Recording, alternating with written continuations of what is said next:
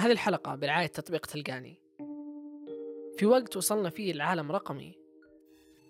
وخدمات رهيبة عن طريق الجوال. إلا أن تطبيق تلقاني تميز بخدمته.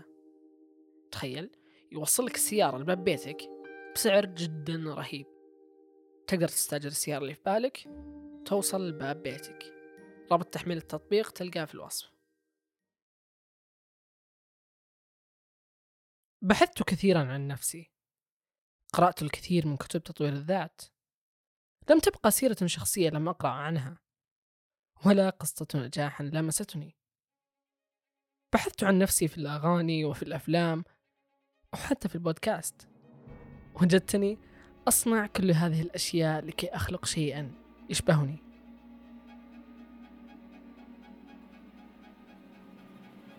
الحلقة الثالثة. جزءك الذي يحوم حولك.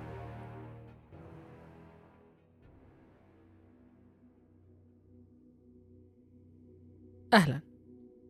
بحث الإنسان القديم عن نفسه من خلال أقرانه البشر آملا في أن يرى انعكاسه في لمعة عيونهم مثلا يعرف أفلاطون الصداقة بأنها علاقة محبة متبادلة بين الأنا والغير. والمبدأ الأساسي في هذه العلاقة أن الإنسان يعيش في حالة وجودية. نفهم من هذا أن الإنسان القديم كان وسيلة للشعور بأنه موجود هي شخص ثاني يخبره بأهميته. تطوروا البشر ليوجدوا سبل أجدد لهذا الشعور. شعور بأن تكون برفقة شيء ما.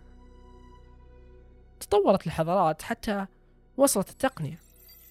بضغطة واحدة تستطيع أن تتواصل مع العديد العديد العديد من البشر يؤنسونك. ولكن البشر يعودون لأصلهم دون أن يشعرون. سبل التواصل عبر الإنترنت سهلة ووجدت لهدف الوصول السريع للطرف الثاني ولكن بوصول ناقص. مهما تطورت التقنية لتنقل لك الطرف الثاني بأعلى جودة يظل الإنسان يشعر بالتواصل الحقيقي حينما تكون باستطاعته لمس أو شعور بنظرات من أمامه بكل سهولة. بدون ما نحس صار اعتمادنا الكلي على التواصل الأونلاين اللي أسهل ولكن بطريقة ما صار تواصلنا ناقص مع بعض. وهذا الاحتياج البشري الفطري صار واضح جدا علينا. نبحث عن من يسد هذا الفراغ. حيوان أليف أو ممارسة رياضة معينة أو حتى ممارسة هواية. ما أقول أن كل هذه غلط بالعكس بس غريب كيف بطريقة طويلة وباعتقاد مننا بتطوير هذا التواصل طحنا في فخ التركيز على تطوير الوسيلة ونسينا جودة الشعور نفسه. أنا إنسان أحب البشر مرة ومحادثة شخص جديد كل يوم تعطيني سبب لمحبة الحياة أكثر. ولكن إن كنت واعي أنا غيري مو مهتم. كنت أعاني وللحين أعاني بأن تواصلي مع أصدقائي 70% منه يكون أونلاين. وإذا اجتمعنا ما في شيء نقوله. الأشياء المقرمشة تطلع صوت أكثر من الأشياء العادية. لذلك سويت تجربة بإني أمسح كل وسائل التواصل الاجتماعي كلها وأبغى أشوف هل هذا راح يأثر على علاقاتي مع اللي حولي. ثالث يوم. واحد من أصدقائي جاء الباب بيتي عشاني ما كنت أرد عليه في الجوال.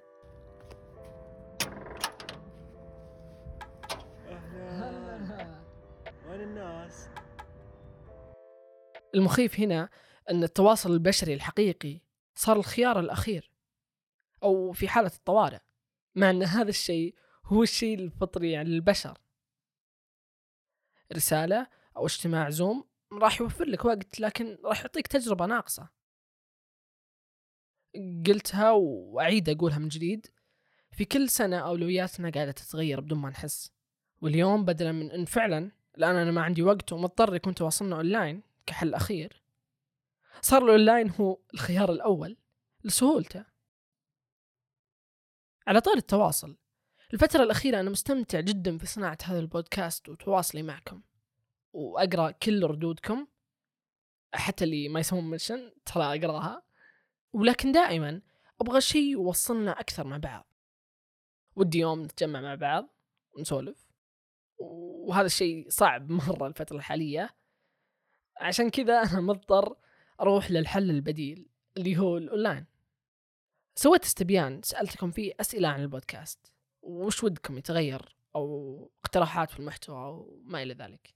وهذا الشيء بيحسن من جودة البودكاست مرة كثير. لكن بعد ما تعبي الاستبيان راح يكون عندك فرصة تربح كوبونات لعدة متاجر.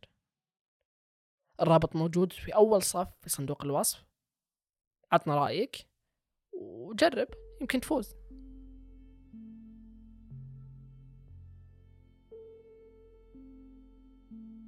خلونا نروح للجانب الثاني واللي هو عنوان الحلقة. تكلمنا عن حاجتنا للتواصل لكن التواصل مع من؟ حنا في زمن اختلطت فيه العلاقات. ما نقدر نسمي هذه العلاقة وين وضعها؟ هل اللي أتواصل معهم زميل ولا صديق أو غير مصنف؟ وفترتنا وتواجدنا في الأونلاين ضرب معاييرنا لتسمية الصداقة مثلا في العالم الواقعي كان أقرب الأشخاص لك اللي تقابلهم بشكل يومي. ولكن الحين صار القرب يقاس بعداد ال streak في سناب شات. أتذكر مرت علي معلومة مصدرها كيس لكنها واقعية وتقدر تلاحظها. المعلومة تقول بأن شخصيتك هي مزيج لأقرب خمس شخصيات لك. المخيف هنا يوم تسألني من أقرب خمس شخصيات لك راح أجاوبك وين بالضبط في العمل ولا في تويتر ولا في الجامعة. أوه هو أكثر خمس أشخاص مسوي معهم streak حنا في زمن ما خربوا فيه البشر مثل ما نقرأ في الاقتباسات. إحنا في زمن وفرة البشر حولك وكل يوم أنت معرض لعلاقة على الأقل. ولذلك أنت تتعرف على بشر كثير ويؤدي ذلك أن احتمالية أنك تتعرض لعلاقة سلبية تزيد. هذه الحلقة ما تشجعك أنك تقفل الأبواب وتنطوي على نفسك لكن هذه الحلقة تقول لك راقب من حولك. أو على الأقل أقرب خمس أشخاص. لأن هذا قاعد يعلم في شخصيتنا بدون ما نحس. يحفر في كل يوم وكل يوم. ونتفاجأ إذا انهدمنا يوم.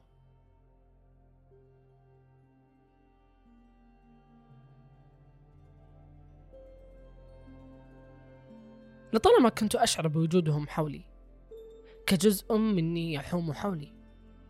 تصالحت معهم. أعطيتهم قطعة من وقتي وقلبي وروحي. حتى أتى ذلك اليوم الذي استيقظت فيه بحثا عن أجزائي المتبعثرة. هربوا جميعا وأصبحت أطبطب على كتفي. وأردد بأنني لم أكن أحتاجهم يوما. ولكن كل هذا أعذار لتخفف من وحشة فراغي.